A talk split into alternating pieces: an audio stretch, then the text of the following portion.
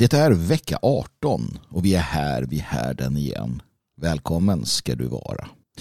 Charles den tredje är krönt och sossarna gör sig redo för strid. Svensken blir mer och mer vidskeplig. Tack och lov säger jag. Och så frågar jag mig, hur ska vita män slåss egentligen? Det blir ett fullmatat program, minst sagt. Vraldas frid, nu kör vi.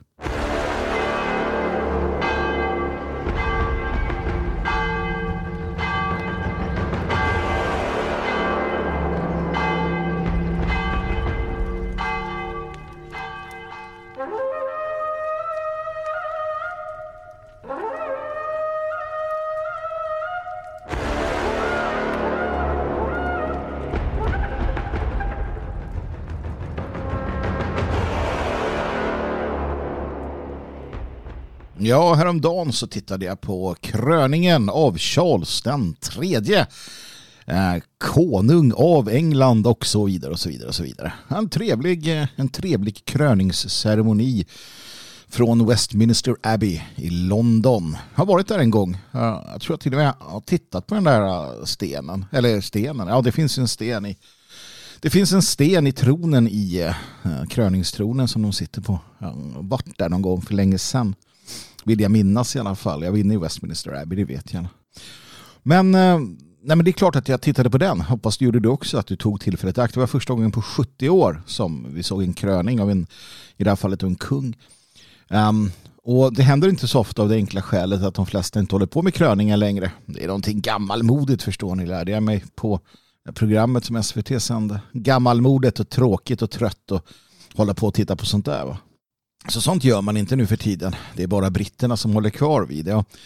Och, och, bara av det skälet så tyckte jag att det var värt att se det hela. För att det man gjorde var alltså att bland annat återupprepa då eller hålla liv i en tradition, ceremoni, rit, ritualistik som till del, om man så vill, inte bara gå tillbaka till 1500-talet eller 1300-talet eller 900-talet utan ja, rakt tillbaka till gammaltestamentenlig tid om man så vill. För det är nämligen så här.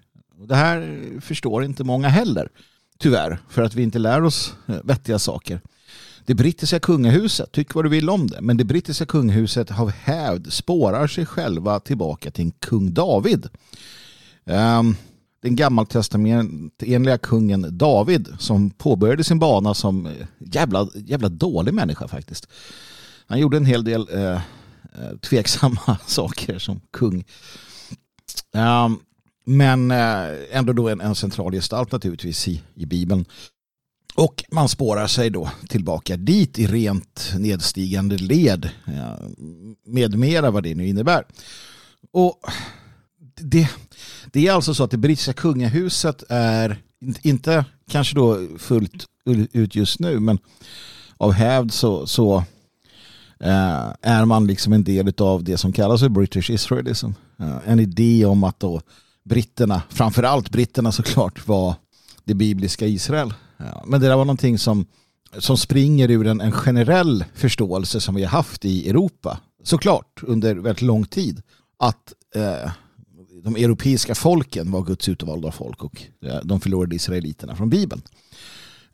Det var ju inte så såklart att, att europeiska kristna under, eh, under den tiden trodde att judarna var det utvalda folket. Det, det, måste man någonstans förstå. Att de inte trodde det. Eller de visste ju att det inte var så. Ja, utan de förstod mycket väl att eh, löftena till Abraham, Isak, Jakob etc. var löften som uppfylldes av de vita europeiska folken. Sen var man väl inte överens om teologin fullt ut då. Jag kan tänka mig att somliga då under vissa tider var lite mer utvalda än andra enligt sig själva. Men icke förty, icke förty så är det där du har grunden. Och där har du då grunden till hela ceremonin i Westminster Abbey. Det faktum att de sitter på Stone of Scone, um, Jakobs sten, Jakobs huvudkudde. Uh, den bibliska Jakobs sten som uh, finns då i Westminster Abbey under tronen. Så att den brittiska uh, monarken ska krönas på den stenen och det är gudomligt och det är hela den biten. Där har du traditionen. Och att inte vilja vara en del av den traditionen genom att då betrakta och titta på kröningen och, och hela de, alltså de historiska vinslagen som, som kommer därav, det, det kan jag inte förstå. Um, och det har väldigt lite med, med eh, Charles att göra, väldigt mycket med annat att göra. Precis som eh, med så många andra saker. Ehm, det, det är ämbetet va? Det är ämbetet som är intressant. Det är traditionen som är intressant. Det är orden som sägs och, och vad som görs. Att, att, få en inblick i detta. Faktum är att Dick Harrison, min absolut inte favorithistoriker, sa att det, det är som ett, eh, att titta på kröningen är som att ha ett kikhål in i historien. Och där är jag till fullo överens. Så att jag satt mina fyra, fyra och en halv timme och tittade på detta och eh, naturligtvis så, så fick jag tillfälle att reta upp mig på Sveriges Television. denna, denna mm, koloss, denna, eh, ja vad ska man kalla det för? Herregud i himlen mina vänner. De eh, lyckades förstöra också detta, såklart. Det var ett himla, ett fasligt avbrytande. Det, det var lite intressant när de säger så här, ja nu ska ju snart King Charles då, eller kung Charles den tredje svära eden och det är ju speciell ed och den har man svurit länge och många gånger och, så. och nu är den till och med förändrad här för att ja, nu har kungen velat det. Och medan han svär eden då, denna fantastiska ed utlovad, ja, detta historiska ögonblick, vad händer då? Jo, SVTs kommentator pratar sönder hela edsvärandet och, och går igenom då och förklarar. Och, och inte nog med det, inte nog med att de pratade vid helt fel tillfällen såklart. Så, um, ja, Eh, lyckades de naturligtvis eh, med, med konststycket att aldrig stänga av sina mikrofoner. Vilket gjorde att du satt och hörde på hur de eh, viskade och prasslade med papper och vad de nu gjorde. När jag sitter här där jag sitter så har jag ett sånt här eh, ljudbord heter det inte. Jag vet inte vad det heter. Tangentbord heter det inte heller. Ah, det är ett sånt där bord i alla fall som man har lite spakar på grejer. Man kan dra saker fram och tillbaka så blir det ljud. Eller mindre ljud. Och där finns det en knapp till och med jag har lärt mig att det är den här knappen. Den knappen gör så att det blir mutat. Hur mycket jag skriker in i eh, mikrofonen så hörs det inte. Den hade de också men de visste inte hur de skulle använda den. Och det är ändå public service va? Min budget för eh, härden är i princip noll kronor. I princip noll kronor. Det är inget roligt. Deras budget är betydligt större än de lyckas inte. Så är det med den saken hörni. Så är det med den saken. Men eh, tillbaka till kröningen. Trevligt som sagt. Pompa och ståt och det var militärer och det var parader och det var hästar och det var uniformer. Ja, och det var människor som stod i raka, eh, på raka led och, och sådär. Och som sagt, det är sällan ändå man får se sånt. Det är därför jag också uppskattar när vår egen kung fyller år eller gör någonting. För att det är sällan nu för tiden som vi, eh, vi får uppleva detta. Visst, det finns så här ryska militärparader och sånt. Men den här den här kopplingen till, som det är, det är koppling till det historiska, det är koppling till en, en, eh, en tid som på många sätt har försvunnit. Och det är därför eh, vänsterblivna och republikaner och annat eh, otyg vill eh, till exempel gräva ner monarkin. Och jag är som vanligt anhängare av den då. Eh, av de skälen som jag många gånger har uppgivit. Bland annat då att i Sverige till exempel så har vi i princip världens äldsta monarki. Vi har världens äldsta riksregalier. Vi har eh, så mycket knutet till detta som har tagit lång tid att bygga upp. Med ett pennstreck vill eh, socialdemokratin, vänstern, liberaler, annat pack riva ner detta. Stryka över detta, ta bort detta. Och de får benägen hjälp av eh, Sverigevänner och nationella som yler om att Bernadotte är inte en svensk. En fransk anarkist och så vidare och så vidare och så vidare. Jag vet det. Jag har själv, jag själv ylt, ylt om det. Jag har själv varit där på den lite dummare sidan av debatten. Eh, uh, varit en bildstormare av rang. Men det jag insåg när jag blev ännu visare än vad jag redan var. det var att det är så jävla lätt att riva ner saker. Det är så vansinnigt lätt att riva ner saker. Visst, jag, jag, jag kan acceptera det en nedmontering av monarkin över tid om folket så vill. Inga, inga problem med det.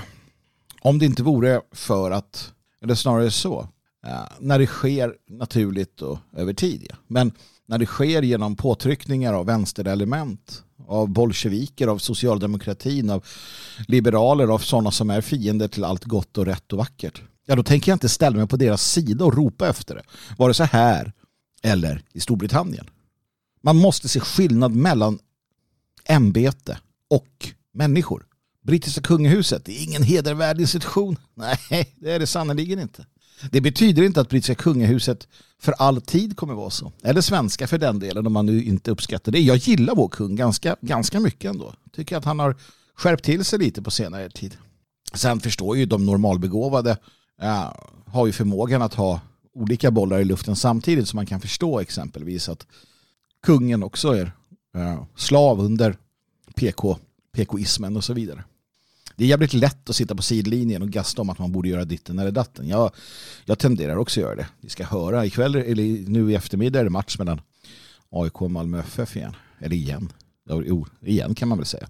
Men i alla fall. Ja, och jag, jag kommer sitta på sidlinjen här hemma och, och gasta åt gnagarna och säga vad de borde göra. Det är jättelätt att göra det. Det är lätt att bli arg över saker. du säger. För fan, sätt, sätt den där bollen då.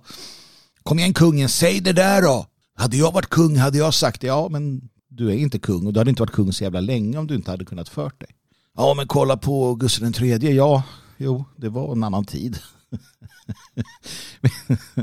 Vi måste ju kunna förstå de här sakerna. Så att, och jag kan ju förstå att man skäller från sidlinjen också. Jag har full förståelse för det. Jag har full förståelse för att man skäller på, äh, skäller på, på kung Charles till exempel. Eller det brittiska kungahuset eller något annat.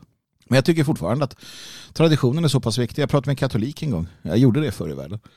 Det var länge sedan nu. Katoliker är ju knepiga på många sätt. men, eh, men han sa det, för jag sa något om, om påven där. Katoliker gillar ju då, så om, om man själv då, jag har några på Twitter, uh, så fort jag säger någonting om Svenska kyrkan, då så här, oh, du kanske borde gå med i den sanna då. Eller någon länk till någon jävla påvestol eller sådär. Så här, ja, titta här. Som att, de tycker, som, som, att, som att den katolska kyrkan på något sätt är bättre. Jag förstår inte hur de, hur de får till det där. Svenska kyrkan är, är ju ett jävla... Det är ju ett jävla...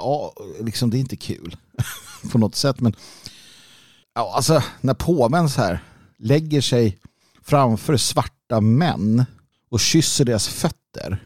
Jag vet inte va? Om man ska ha så jävla hög svansföring då. När biskop Abborre i Stockholm om och om igen uttalar sig liksom för en massa modern skit. Jag vet inte om jag känner att det är så, så hedervärt va? Jag vet inte. Tycker ni det? Nej, så är det ju. Fan, lägg av nu. Vi sitter alla i den här jävla båten. Ni kan ta er katolska, katolska avguderi. Nej, eh, vi, vi, har, vi har satt fan i, i båten. Vi får roa i land på ett eller annat sätt och så får vi slakta den fan när vi väl har kommit i land. Nej, men så ser det ut. Och för min del så är jag glad att jag såg den här kröningen. Nu med sannolikhet lär jag få se en till då. Kung Charles är 70 plus. Um, och ja, när han uh, går hädan så uh, kliver ju sonen fram där. Då blir det kröning igen förhoppningsvis. Det var rätt trevligt. Men uh, det som inte var trevligt var ju att se den här den förlorade sonen, prins Harry. Prins Harry kom till, fy fan, alltså vad ni än gör, bli inte som Prins Harry. Ja. Meghan Markle stannade hemma i USA, hon satt och tyckte synd om sig själv och kände sig, um, kände sig hatad eller någonting. Med all rätt kan jag tycka. Så hon vill inte dyka upp här. Ja, så eh, Prins Harry kom själv. Um, jag noterar att han är härjad. Gud vad han mår dåligt. Du vet, att bli förtryckt av sin kvinna, du mår inte bra. Man ser man ser på män som förtrycks av kvinnor. Man ser det på dem. Man ser det i ansiktet, i kroppshållningen. Det, det är en sån här, en lätt är av att jag har slutat bry mig om mig själv. Man ser att det är, så fort de inte har frun bredvid sig då har de liksom gett upp. Hon stylar dem och hon gör allt med dem. Kontrollerar dem och han, han eh, nej, det var ingen kul syn att se. Fy fan vilket, vilket elände alltså. Jag menar vad skulle man säga själv då? Så här, frugan, så här, ens pappa ska krönas. Ja, han, är bara kung av England. Liksom. Eller kung av vad fan som helst egentligen. Och pappa ska krönas och så, så säger frugan att nej. Alltså hon har ägnat en massa tid åt att snacka skit om din familj och försökt dra med vanrykte. Så, så ska de krönas och ni är inbjudna. Ja, för att din familj är storsint. Och hon bara nej, jag vägrar. Jag tänker inte komma. Du får åka själv. Så bara, ja. Nej, jag vet inte. Där någonstans hade man så här, men hörru du din jävel. Nu är det dags att du tar ditt pick och pack och drar åt helvete. Jag åker hem och blir kompis med min familj igen. Put a spell on me. Han är ju, det är ju förtrollning. Det är ju det. Hon har ju förtrollat honom med någon jävla voodoo. Det, det, måste vara så. Jag minns prins Harry när han klädde sig i nazistuniform och gick på maskerad. Det var fan tider det. det annat, än, annat än nu hörni. Nej, hur ska vi eh, sammanfatta detta? Kröningen var, eh, den var eh, trevlig att titta på. Många, många bra traditionella inslag. Eh, en, en, en del sämre. Men eh, med tanke på hur det kunde ha varit så får man väl vara nöjd med det lilla. Så får vi se om det blir bättre nästa gång eller inte.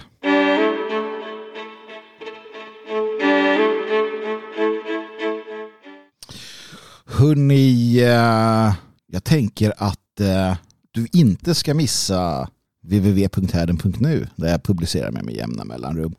Du som gillar texter. Eller för den delen som gillar att lyssna på inlästa texter. Med jämna mellanrum gör jag nämligen det. De, de jag tycker är intressanta. Har en hel del på gång under veckan som kommer. Inte bara, eh, inte bara skrivli, skrivet av mig utan av vänner till härden. En del inläst som kommer komma upp här i dagarna. Och jag hoppas att du också prenumererar så att du inte missar något nytt händer. Och för dig som vill stötta ekonomiskt och vara säker på att få tillgång till allt som publiceras, varenda text, varenda podd, varenda vad det än må vara, så kan du göra det månatligt eller per år. Och runda slänga kostar en 50-lapp i månaden. En 50-lapp i månaden, det är, tycker inte jag i alla fall, för mycket eh, begärt. Det kan vi väl vara överens om. Det är ju inte, det är inte mycket att bråka om. Innan vi drar igång så vill jag också passa på att tacka dig som är med och stöttar såklart. Det är jätteviktigt och det är på alla sätt och vis glädjande för mig. Jag vill också passa på att rikta din uppmärksamhet mot www.odalboden.se www.odalboden.se Butiken för den moderna allmogen. Du hittar stödprodukter för härden, mina egna designs under namnet Hagal samt produkter för skydd och säkerhet samt smycken och hantverk och så mycket, mycket mer trevliga saker för hemmet och så weiter. Så att besök eh, gärna Odalboden och eh, se om du inte kan hitta någonting där som du vill ha. We must secure the existence of our race and a future for white children.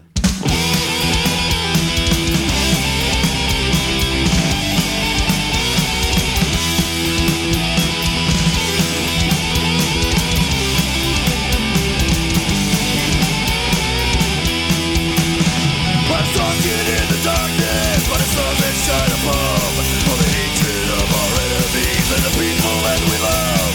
For the future of the white race, the white Superman. For the killing of our racial foe, right down to the last man. But holy dream and promise, the racial loyalty. But a crushing awesome power.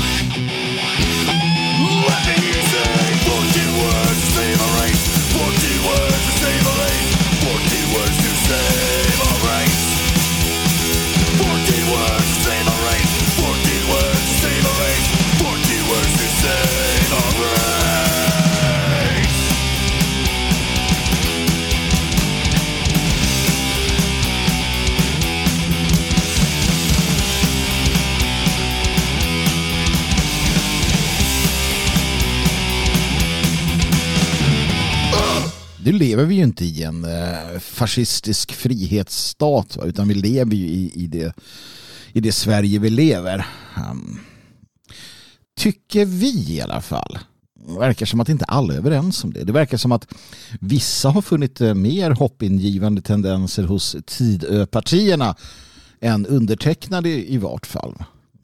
Läste på eh, Twitter var han Lindberg i Aftonbladet som skrev någonting om att demokratin i princip var över nu. Det var, det var slut. Det var slut på, på röstandet. Det var slut på ja, vad man nu förknippar med, med demokratin. För att, eh, för att eh, fascismen härskade. Fascismen härskade. Morgan Johansson har uttryckt liknande. Annika Strandhäll, ja det har hon ju sig alltid gjort va, eh, ehm, men, eh, och jag säger inte det för att hon är full när hon skriver utan för att hon beter sig som en fyllkaja. Jag vill ha det sagt också. Ehm, senast var Maggan Andersson ute och viftade i DN i en eh, artikel. Hon, hon menar på fullaste allvar, vilket är lite intressant. Ikväll är det debatt i, i Agenda här på Sveriges Television. Jag tänkte se den partiledardebatten. Och med tanke på hur hårt man har uttryckt sig nu från framförallt socialdemokratin så förutsätter jag att de tar med sig Kalashnikov och avrättar hela regeringen. För att det de säger i, klar, i, i, i inte i klartext utan i Eh, eh, oklar text, men det, insinuationen är väldigt tydlig, det är att, att vi nu har en, en eh, fascistisk eh, regim styrd av SD som eh, håller på att montera ner demokratin. Och är det så, är det så, så förutsätter jag att man tar det på fullaste allvar. Jag förutsätter att Suonen sitter hemma och putsar sina revolutionära kängor. För att du kan inte gå ut och säga att de håller på att avskaffa demokratin, eh, att, de, att de håller på att införa en fascistisk stat, eh, att de, att de eh, liksom tänker i princip alltså förbjuda socialdemokratin. Nu är det inte det de tänker göra. De tänker förbjuda socialdemokratin för att fortsätta pungslå svenska pensionärer från att hamna hos kronofogden. Det är vad de tänker göra med de här A-lotterna. Men, men enligt, enligt narrativet då från vänster så, så håller de på att avskaffa allting då, Tidöpartierna. Och så är det sant, är det verkligen sant att de känner så, ja då måste man ju agera. Kom ihåg vad Niemöller sa. Först så kom de för, hur var det nu igen? Först kom de efter fackföreningsrörelsen. Men jag sa ingenting för jag var inte fackföreningsman. Sen kom de efter veganerna. Men jag sa ingenting för att jag äter kött. Sen kom de efter eh, husarerna. Jag kommer inte ihåg men det var en uppradda utav så när nazisterna kom och tog en efter en efter en. Va? Och så, så slutade vi att till sist kom de efter mig. Och då fanns det ingen kvar att kunna protestera. Och själva idén, håller jag med om, själva idén ligger ju i då att när du ser att någon, i det här fallet en regim, bryter mot vissa grundläggande principer i ett samhälle, till exempel yttrandefriheten, då ska man säga ifrån. Och, och jag kanske hade kunnat tänka mig att säga ifrån om jag hade känt att man slog orättvist mot socialdemokratin. Men socialdemokratin har i hundra år slagit orättvist. Alltså socialdemokratin är ett gift. Man måste förstå detta. Det är ett gift i vårt politiska system. Liberalen är också ett gift, men det är ett ganska litet, det är ett sånt här litet gift som, som man inte behöver bekymra sig så nämnvärt om för tillfället. Men framförallt så, så socialdemokratin är ett gift. Och de har utnyttjat sin makt och sina, sina, sin eh, möjlighet att omdana samhället. Ja, år ut och år in. Och skapat en socialistisk liksom, terrorstat. I allt väsentligt. Och, och, och, och vissa kanske tycker att jag tar i så att jag håller på att spricka. Men, men i grund och botten så är det en demokratur vi lever i. Och det är en socialistisk demokratur. Där agendan sätts av socialdemokratin. Det är de som så att säga avgör. Så att jag tycker inte att det är att ta i för mycket. Och nu är de ute och vevar åt höger och vänster. Det är den ena Vi kommer få höra en hel del sånt idag i, i debatten, det är jag rätt säker på. Men eh, såklart så menar de inte riktigt allvar eftersom hade de gjort det så hade de ju eh, varit betydligt mer revolutionära. Nu vet de ju bättre än det. De vet bättre än att ropa efter, efter våld och vapen. Men jag tror inte att tanken är helt oäven. Faktiskt inte, om de tror på sitt eget narrativ. Och som, eh, jag ska inte säga fascist, va? det är väl att men jag menar, jag, jag har kallat så mycket genom åren. Jag kallar mig själv så mycket genom åren så att det är en jävla blandsallad av jävla, jävla blandsallad av, av politiska stämplar. Religiös också för den delen. Fan, det är... Här ser ni ett problem med att vara offentlig. Jag har varit offentlig så länge. Jag, jag blev offentlig innan jag liksom var klar med hur, vad jag tyckte och tänkte om allting. så att, så att man kan i grund framstå som lite virrig. Så det har, har inte med åldern att göra, hörni, om ni tycker att jag säger någonting jag inte sa för tre år sedan. Har att göra med att man fortfarande utvecklas politiskt. Men, men i grunden, i grunden är man ju nationalist såklart. Det är ju tur att den grunden står. Men låt oss säga då, som fascist. Okej, okay, jag är fascist just nu i alla fall. Jag är, jag är i grund och botten frihetlig fascist. Nej men i alla fall, som fascist så kan jag säga med 100% sanning att det inte är ett fascistiskt styre eh, i Sverige idag.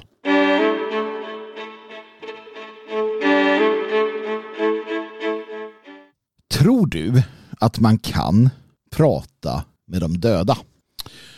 Ja, skruvar lite på det där. Funderar lite och tänker att va, prata med de döda? Nej. Eller kanske ja, det är klart man kan det. Tror att man kan hila.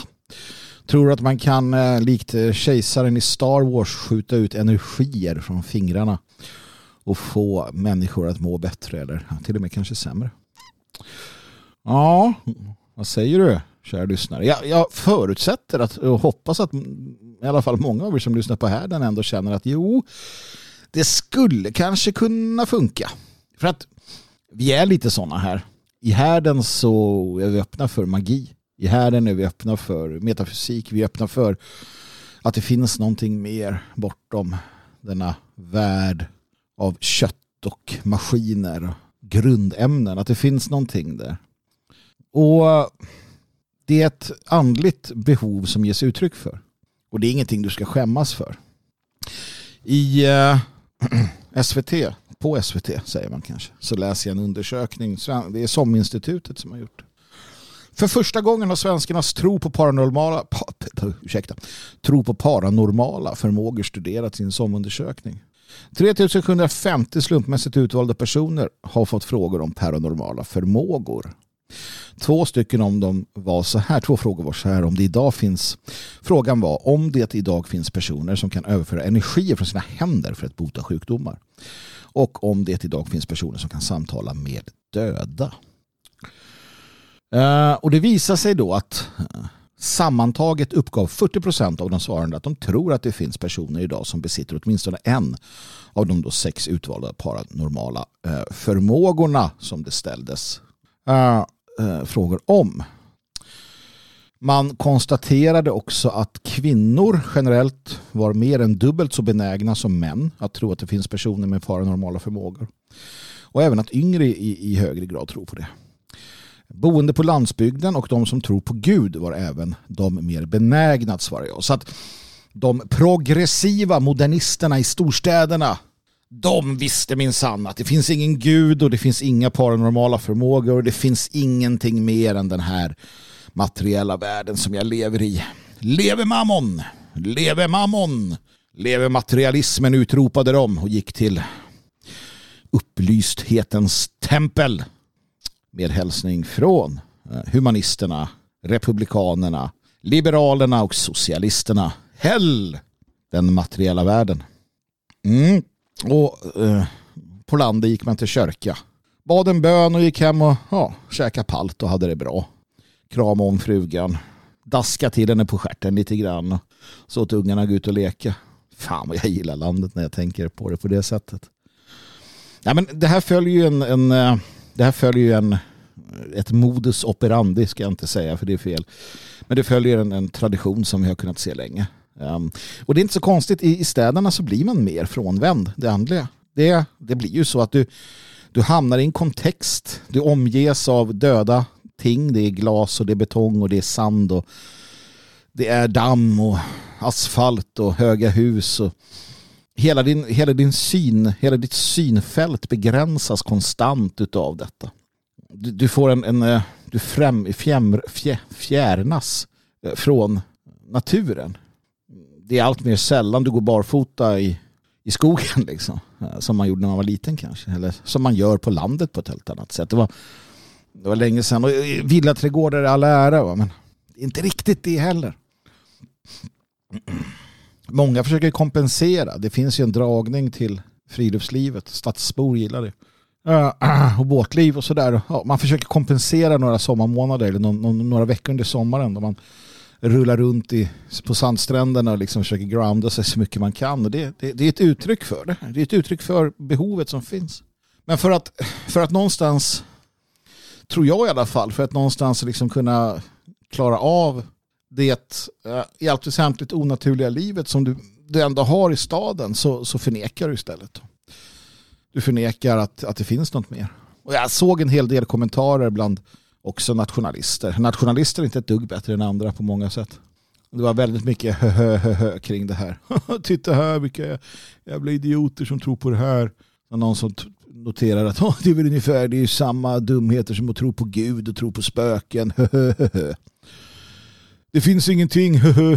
och det där är ju en, en, en pest som har plågat den nationella oppositionen lika mycket som den har plågat mäns eh, övriga människor. Man, man, man, man vägrar se sammanhanget mellan avmystifieringen och avandligfieringen av människan um, och se då hur det korrelerar med hur vi har blivit då sämre människor på alla sätt och vis. Vi, vi, vi har blivit materialister. Det här är någonting som är så väldigt fundamentalt. Det finns en orsak till att vi har eh, värnat och värderat det andliga. Och det kan vara allt ifrån att tro på tomtar och troll ute på landsbygden där vi, många av oss än idag vet, vi, vet att det finns. Vi vet att det finns hustomtar. Vi vet att det finns eh, väsen i skogarna. Vi vet, eh, ja, vi vet att det, att det är bäst att hålla sig på god kant med dem. Vi vet att det finns mer saker. Vi, vi känner det. kan man känna i stan också naturligtvis. Det är inte, och det vet ni ju, ni som lyssnar i alla fall. Ni behöver inte bli arga på mig. Finns, finns utrymme för det i stan också. Men det säger sig självt. Stadsborna, återigen då, om vi tittar på SOM-undersökningen.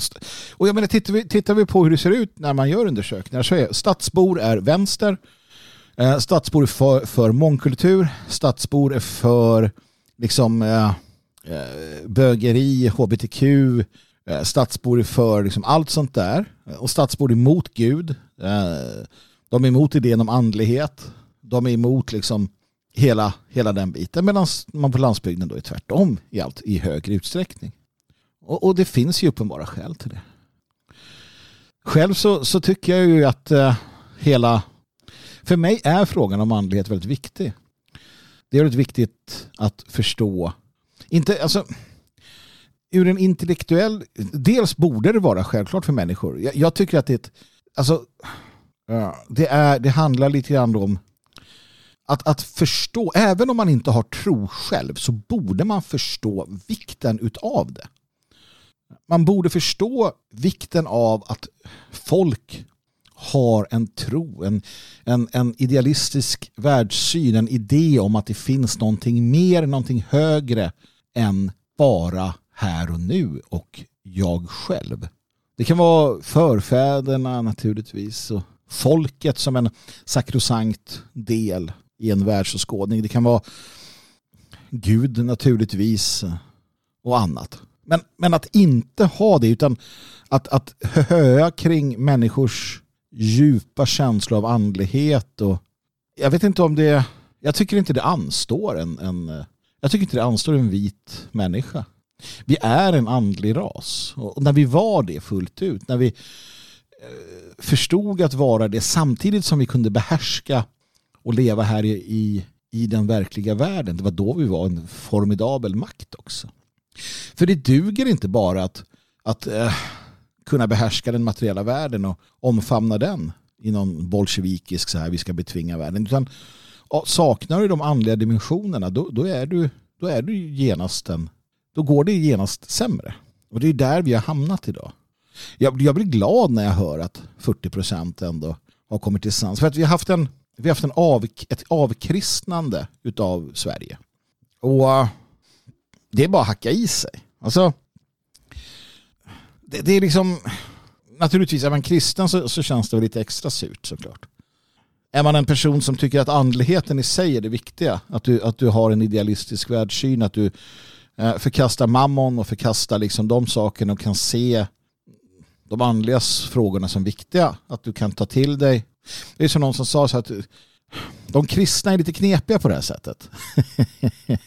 alltså man tror att jag är kristen för jag går i kyrkan, jag är kristen för att jag för att jag eh, ber, jag är kristen för att jag ger donationer till kyrkan eller jag är kristen för att jag säger att jag är kristen eller jag är kristen för att jag och så vidare och så vidare. Nej, det är du inte. Det är inte det som gör dig kristen. Va? Hörru, snälla. Utan kristen handlar om att tro. Det handlar om att du faktiskt tror. Det är grunden. Om du tror och så gör en massa dumheter så är du, fort, då är du kristen. Men om du inte tror men gör en massa, massa liksom sådär, eh, liturgi, då är du inte kristen. Du är ju bara en du är ju bara någon som låtsas vara det va? Så att jag personligen ser till, och jag tycker att man ska, och nu kan jag ju citera Kristus, han visste en del om det här. Titta på frukterna. Titta på frukterna av deras agerande.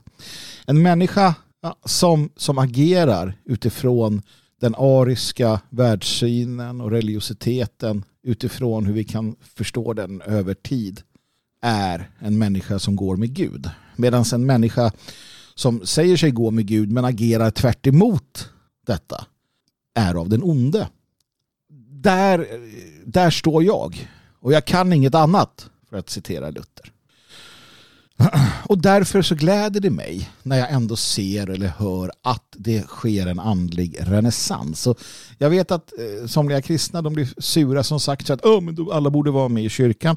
Men tänk på odinisterna för fan då. Tänk hur jävla arga de är. Tänk på alla hedningar som fick se hela sin liksom, hedniska värld eh, rasa samman. Kanske, och det här är en eh, tanke som jag vet kommer göra somliga sura. Kanske ska hedningarna sluta gnälla på de kristna och fungera i den kristna kontexten. Och kanske ska de kristna sluta gnälla på den evolution som sker andligt inom vår ras och försöka förstå hur de kan leva vidare i denna. Det vill säga att vi anpassar oss. Och vi anpassar inte våra principer. Vi anpassar inte principerna för tron. För mig går det alltså utomordentligt bra att erkänna Kristus Eh, och, och se honom som det han är samtidigt som jag med allt respekterar och hedrar mina förfäder och mina förfäders gudar, arketypen av vårt blod. Det är Inga problem alls. Kanske man borde tänka så mer. Kanske borde man snarare förstå anamma. Då, det, det, handlar inte, det handlar inte om ekumenik. Det handlar inte om att ta till sig det ena med det tredje. Det handlar om att, att förstå att i grunden så handlar det om att få människor att vända sig bort från Satan, den onde, mammon eller vad du vill kalla honom. Och leva goda liv. Låt oss börja där innan vi börjar bråka och tjabba.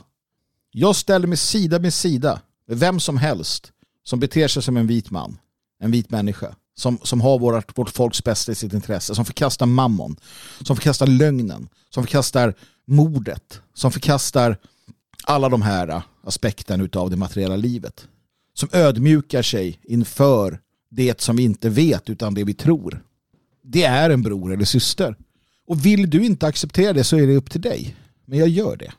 Sen får väl Gud döma mig om han nu tycker det är så jävla bekymmersamt så, så kommer jag väl bli varse detta. Och du då som, som eh, tror dig veta allt och begränsar eh, din förmåga att kommunicera med människor eh, kommer väl bli hyllad då som, som frihetens eh, trons försvarare eller vad man ska säga. Kvinnor är mer benägna att tro. Ja. Förvånar mig inte heller. De har en, en mer eh, känslomässig eh, de närmar sig saker mer känslomässigt. Här borde männen bli bättre. bli lite mer eh, kärringaktiga, kort sagt. Våga, våga ödmjuka dig inför våga ödmjuka dig inför evigheten, våga ödmjuka dig inför Gud, inför allfadern, inför Vralda. Våga vara lite sårbar. Du behöver inte vara inför andra, utan våga vara inför, eh, inför alltet. Ödmjuka dig. Eh, mindre höhö i det här fallet eh, kan jag tycka.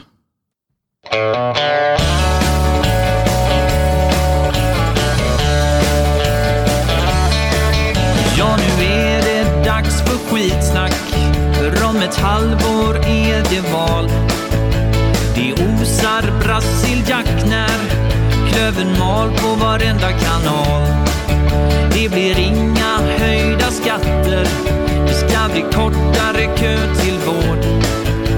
Ett slut på straffrabatten och 80 000 på återtåg.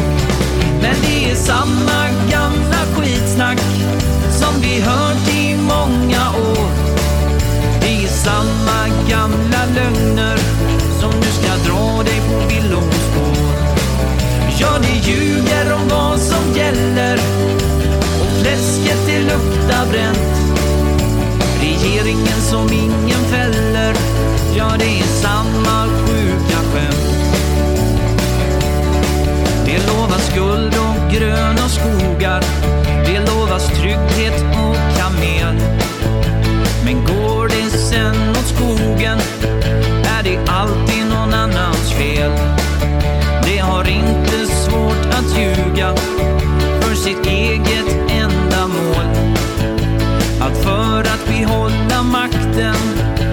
Sitt åsiktsmonopol.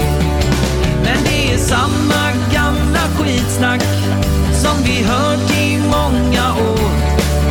Det är samma gamla lögner som nu ska dra dig på villospår. Ja, det ljuger om vad som gäller.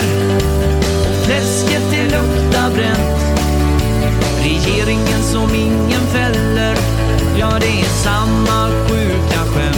Jag är väldigt oroad över de gängskjutningar som har varit den senaste tiden. Eh, de ökade antalet våldtäkter som man kan se, ganska brutala sådana. Eh, jag är helt förfärad när jag hör om de långa vårdköerna som har gjort att eh, faktiskt människor har dött på vägen. Men det är samma gamla skitsnack som vi hört i många år Det är samma gamla lögner som nu ska dra vi ljuger om vad som gäller. Och fläsket det luktar bränt. Regeringen som ingen fäller. Ja, det är samma sjuka skämt. Det är lite mycket gängkrig och så har vi ju sett eh, våldtäkter som några av dem faktiskt är ganska brutala. Did you tackle that trouble that came your way with a resolute heart and cheerful? Or hide your face from the light of day? With a craven soul and fearful? Oh, a trouble's a ton, or a trouble's an ounce, or a trouble is what you make it. And it isn't the fact that you're hurt that counts, but only how did you take it. You are beaten to earth. Well, well, what's that? Come up with a smiling face. It's nothing against you'd fall down flat, but to lie there, that's disgrace. The harder you're thrown, why the higher you bounce. Be proud of your blackened eye. It isn't the fact that you licked that counts. It's how did you fight and why. And though you be done to death, what then? If you battled the best you could, if you played your part in the world of men, why the critic will call it good.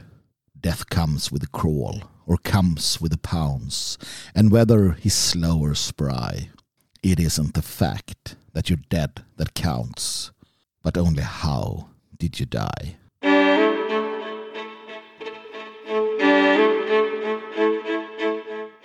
Den stora frågan är hur ska vita män slåss egentligen? Jag, jag kommer att ställa frågan efter och ni kan läsa en artikel om detta på sveating.se där jag ibland publicerar mig, sveating.se. Där finner du också den eminenta härden på gamla och, sti, gamla och nya stigar med Jalle Horn. Och du kan läsa texter av både Svensson och eh, mig själv naturligtvis. Eh, Dan Eriksson med flera som är på väg in här.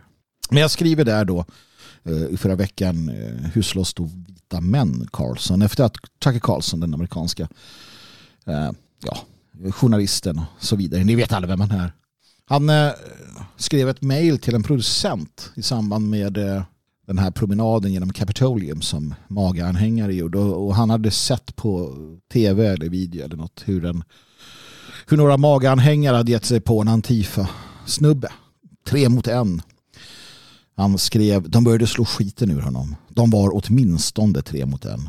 Att hoppa på en kille sådär är förstås skamligt. Det är inte så vita män slåss. Det är inte så vita män slåss, Tucker Carlson. Nej, och där har vi problemet. Eh, efter att ha tänkt och tänkt och tänkt och tänkt på detta så inser jag ju det. Att det är där vi har problemet. Problemet ligger i att vita män har helt och hållet missat, eh, skjuter över målet, blivit eh, blivit för, för, fördummade, förvanskade. De har tappat kontrollen, tappat kontakten med vad som gäller. När kom vi på idén om att tre mot en var taskigt? När kom vi på att man inte ska sparka den som ligger? att man inte ska hoppa jämfota på sin fiendes huvud. Det är för att vi inte kan förstå skillnader. Jag gjorde en hänvisning på Twitter. Nu använder jag Twitter som någon form av sån där. Ja. Men i alla fall, jag gjorde en, en hänvisning på Twitter där jag skrev att folk måste förstå att vi befinner oss i krig. Vi borde, och det var i samband med att jag skrev att man skulle inte publicera klipp på vita som far illa. Alltså förnedringsrån eller annat som, som vita råkar illa ut för. Eh, så ska man inte publicera sånt på Twitter och dela vidare för att det sänker moralen. Och jag sa att det är som att i krig endast publicera sina egna förluster och sina egna eh, styrkors svagheter. Då dödar man stridsmoralen. Och jag, det jag fick tillbaka då från, eh, från eh, Twitter-kollektivet i många fall var att men det är inget krig. Vi befinner oss inte i krig. Och därför förlorar vi. Det är så enkelt. Vi förlorar för att vi inte har den inställningen. När vårt land översvämmas av främlingar och politiker eh, gör allt de kan för att dra undan mattan för det egna folket. När vi lämnar över makten till andra länder eller snarare då till en, en överstatlig koloss, i det här fallet EU, då är vi i ett krig. Det är ett krigstillstånd. Och även om jag inte förespråkar att man ska ta till vapen så måste man förstå att vi befinner oss i krig. Vi, vi befinner oss i ett krig för vår överlevnad. Allt därefter är taktik. Taktik och, och förmåga. Det är klart att man inte gör saker som är dumma, korkade, som man förlorar på. Det, det är klart att vi, vi ska vara intelligenta. Att vi i det här kriget som kommer pågå i många hundra år ska se till att inte göra bort oss. Men vi måste ha inställning för att om vi inte förstår att det är krig, då, då förlorar vi. Vi förlorar. Och det är det vi håller på med nu. Vi håller på att förlora för att svenskar i allmänhet och, och vita i synnerhet inte fattar att det är på detta sättet. De förstår inte att de är i ett krig. Tacke Karlsson förstår inte det. För att det är en skillnad på hur du beter dig i krig och hur du beter dig eh, mot dina egna. Jag brukar ta exemplet när folk eh, pratar om att Eh, de kristna är så mjäkiga för att lyssna på, lyssna på Kristus i hans eh, bergspredikan. Vänd andra kinden till. Vilka pratar han med? Vilka pratar han med? Han pratar med sina lärjungar. Han pratar med de som ska utgöra den första församlingen. Eller som utgör den första församlingen. Det är inte hans fel att det är en massa andra människor som har kommit och lyssnat på honom. Utan han står och pratar med sina egna. Och till dem säger han det här gäller, det här gäller, det här gäller. Han pratar också, han är tydlig med att han har kommit till sitt folk. Det han säger är ju i, i, i grund och botten att eh, i vår församling och i, hos vårt folk så gäller vissa saker. Det som gäller är att du vänder andra kinden till. Det är ganska klokt att göra det. Tänk att du befinner dig i ett eh, sällskap av dina vänner och någon ställer till något dumt. Någon kanske till och med lappar till det lite grann för att det har blivit något bråk. Är det bästa att du lappar till tillbaka och eskalerar och slåss så att, du, så att du för en gång för alla slår ner din bästis? Eller var det bättre att lämna det där här och låta, eh, låta han så att säga vända andra kinden till? Vad tycker du själv? Hur, hur agerar du själv? Om du är ute med det, dina bästa vänner och någon, någon ger dig en örfil av något skäl. Kommer du slå ner honom och bara jag segrade, jag vänder inte andra kinden till, det är öga för öga, tand för tand. Men, men det här är ju din kompis sedan 30 år. Det skiter jag i, öga för öga. Jag är viking. Vikingarna gjorde inte så heller såklart. Uh, varför skulle de göra det? Om deras brö, broder betedde sig lite illa så kunde man ha överseende med det. Vikingarna vände andra kinden till. Man måste förstå detta. Problemet är inte sentensen att du vänder andra kinden till, att du håller fred i församlingen, att du håller frid i ditt bostadsområde, att du, att du ser till att i din, inom din ras, inom ditt folk hålla ordning och reda och vara beredd att förlåta. Det är inte problemet. Problemet är när du applicerar detta på andra. Jag är så trött på att behöva, behöva förklara det här för imbeciller. Men jag måste vända andra kinden till jag också och ropa förlåt dem fader för de vet inte vad de gör. Så Tacke Karlsson och alla andra. När man slåss med fiender, fiender som står efter ditt liv, då får man vara tre på en. Man får vara 20 på en. Man får vara 100 på en. Man får hoppa på deras huvuden. Man får ta dem av daga. Det ligger i sakens natur. Om någon står efter ditt liv så har du rätt att med alla till bud stående medel, i alla fall moraliskt, försvara ditt liv. Punkt slut. Det har vi alltid gjort. Hur vita män slåss. Vi slåss med vapen. Vi slåss fult. Vi slåss för att segra. Det är vad vi gör. Men vi har haft en idé, traditionellt sett, en, en ridderlig tanke, att vi, när vi slåss med varann, respekterar krigslagar. Att vi slåss med varann och respekterar eh, krigsfångar etc. Givet, det har inte skötts särskilt snyggt. Under 30-åriga kriget så, så gick det väl hyfsat så var du väl hyfsat skyddad om du var officer eller adelsman. Va? Var du en vanlig soldat och sköt de väl dig. Har inte tid att ha dig där. Va? Men, men det fanns en idé om ridderlighet. Det fanns en idé om att man ska vara hedersam i krig. Det kan inte överföras när det kommer till raskrig. För du kan inte applicera samma måttstockar på dig själv som på eh, folk eller raser som inte har samma, samma grundidéer. Det säger sig självt. När du befinner dig i den typen av konflikter då ska du vinna. Men det är ju samma när du befinner dig eh, i, i din skola. Det här med att du ska inte sparka på den som ligger. Det gäller ju naturligtvis när du slåss med dina polare. Hur svårt ska det vara att förstå detta? Vuxna män som inte kan begripa sådana saker.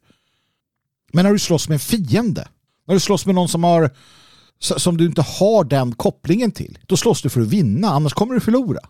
Så hur ska vita män slåss? Jo, vi ska slåss fult. Vi ska slåss för att vinna. Vi ska slåss för att försvara det vi älskar. Någon omtanke om den som vi slåss med kan vi inte ha om det är en fiende. Om det inte är en fiende, då är det en helt annan sak. Det här förstår inte Tacke Karlsson. Jag tycker att han i det här uttalandet väldigt tydligt visar att han inte förstår detta. Han förstår inte vad som står på spel. Han förstår inte att det, att det är så viktigt att vi förstår hur man ska göra. Och det här är någonting som, som plågar oss. Absolut är det det. är någonting som plågar oss som folk. Det är något som får oss att förlora. För att vi förstår inte, vi förstår inte att, att spela fult helt enkelt. Och så länge vi inte förstår det, då kommer vi inte vinna. Och det är inte lätt för oss, det är inte lätt för sådana som oss att, att, så att säga spela fult. För att vi är så marinerade från barnsben med att, att inte göra det. Så att det kan, kan vara en bra idé att fundera över de här sakerna. Och lära sig att se skillnaden. Och, och ju mer du ser skillnaden, det betyder, alltså, och, och hur gör du det? Jo, det gör du genom att ha koll på fiender och vänner. Det gör du genom att förstå vem som är vad. Det gör du genom att ha tydliga vänner, tydliga allierade, tydliga dina och kontrastera mot de andra. Det betyder inte att de andra alltid är fiender. Det betyder inte att du ska bete dig som en skitstövel. Det betyder bara att du ska veta att när du konfronteras av någon så ska du veta hur du beter dig som vit man. Eller vit människa. De vet det. De vet hur de hanterar dig. Du kan inte förvänta dig nåd utav människor som föraktar dig och hatar dig. Som, som är helt övertygade om att du och det dina är orsaken till deras olycka. Vilket svensk politik och svensk media har fått eh, många i det här landet som befinner sig här tro. De tror att du svensk är den direkta orsaken till deras olycka för att du är en rasistisk översittartyp. Du tillhör en, en, ett system, ett rasistiskt system som pungslår dem. Ännu värre i USA där de, där de eh, och det grövsta återigen eh, kan, kan jag be att få tillägga då så och det grövsta försöker förmå svarta och andra att hata vita. Senast, i, senast nu så, så, så har ju en, en, incident i New Yorks tunnelbana blivit, blivit eh, upplyft. Jag såg att DN skrev om det idag.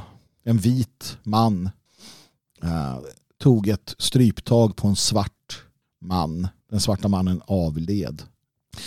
Och det hände sig för att den här svarta mannen, det var en känd, en känd, han har psykiska problem, allt möjligt, hemlös. Och han har varit hotfull, han har försökt putta ner folk på tunnelbanetågen eh, och så vidare. Människor är rädda för honom. Och, och, och vid det här tillfället så ingrep då den här vita mannen som sa att han, var, han, han, han fruktade för sitt liv. Så det är självförsvar naturligtvis. Och DN som vanligt gör allt för att påskina att den här svarta hemlösa mannen han var, han var, han var lite störig ibland men absolut inte farlig. Medan New York-bor som åkte där ofta vittnade om att han var farlig. Kan inte den där jävla Wolodarski åka där istället och bli nedslängd på tåget av de där galningarna? Han, om, man nu, om man nu ska försvara de kriminella hela tiden som man försvarade Floyd. Knarkar kriminella, kriminella typer sexbrottslingar. Allting går bra. Allting går bra. De vill att du ska släppa garden. Du ska aldrig försvara dig. Du ska bara ta. Bli rånad, bli mördad, bli våldtagen och håll käften. Det är vad de säger. Och om du skulle råka vara tre på en då kommer Tacke Karlsson och säger det där var inte snällt. Så där slåss inte en vit man. Jo, det gör man. När man försvarar sin kvinna, sina barn, sitt land, då slåss man så. Och värre än så. För då slåss man för att vinna. Och den dagen vi bestämmer oss för att vi ska slåss för att vinna, ja den dagen, då kommer vi vinna.